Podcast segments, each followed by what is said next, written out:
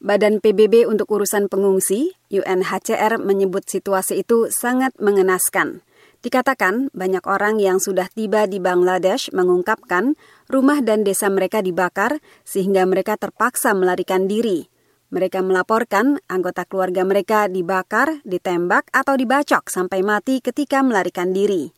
Kepada VOA, juru bicara UNHCR Adrian Edwards mengatakan banyak orang Rohingya melarikan diri ke hutan atau gunung berjalan berhari-hari sebelum mencapai perbatasan. We've got high numbers of unaccompanied and separated children, problems of sexual violence, trauma injuries, bullet wounds. Terdapat sejumlah besar anak yang sendirian terpisah dari keluarga, masalah kekerasan seksual, cedera yang mengakibatkan trauma, dan luka karena tembakan. Perawatan trauma dibutuhkan, manajemen klinis untuk kasus-kasus perkosaan, kesehatan mental, dan hal-hal lain.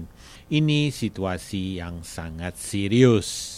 Dana PBB untuk anak-anak, UNICEF melaporkan anak-anak yang merupakan 60 persen dari jumlah pengungsi menjadi pusat krisis kemanusiaan yang terus berkembang itu.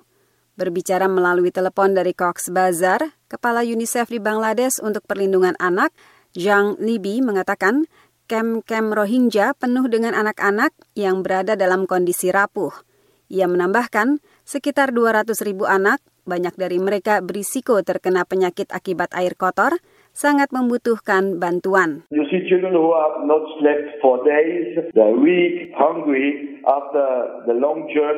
Bayangkan anak-anak itu tidak tidur berhari-hari. Mereka lemah dan lapar. Setelah perjalanan panjang dan sulit, banyak anak-anak sakit dan membutuhkan perawatan kesehatan segera. Sebagian anak juga dalam situasi yang sangat mengenaskan dan sulit dan trauma. Mereka membutuhkan bantuan perlindungan dan psikologis. UNICEF menyediakan air minum dan sanitasi dasar. Badan-badan bantuan lain juga meningkatkan bantuan. Bantuan darurat UNHCR yang dikirim melalui udara tiba hari Selasa di ibu kota Bangladesh, Dhaka. Terdiri atas 91 ton bantuan, mencakup bahan untuk tempat penampungan, selimut, alas tidur, dan barang penting lain.